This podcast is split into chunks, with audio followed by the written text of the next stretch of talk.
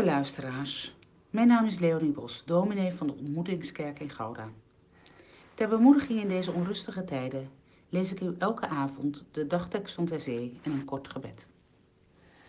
Thomas zei tot de opgestane Jezus, mijn Heer, mijn God. Jezus zei tegen hem, omdat je me gezien hebt, geloof je.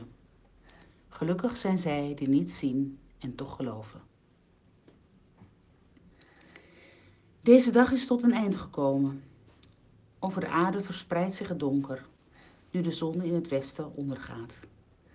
Alle dingen keren terug tot hun oorsprong. Uit de veelheid hebben wij ons losgemaakt om ons te keren tot onszelf, ons te keren tot U, die de bron van ons leven wil zijn.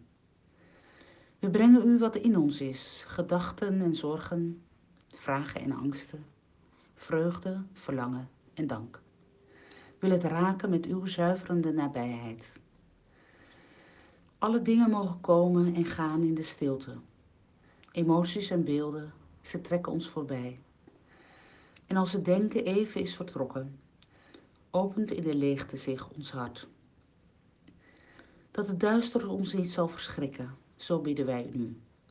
Dat het een geleide mag worden op de weg naar u toe uw beschermende aanwezigheid als een engel om ons heen.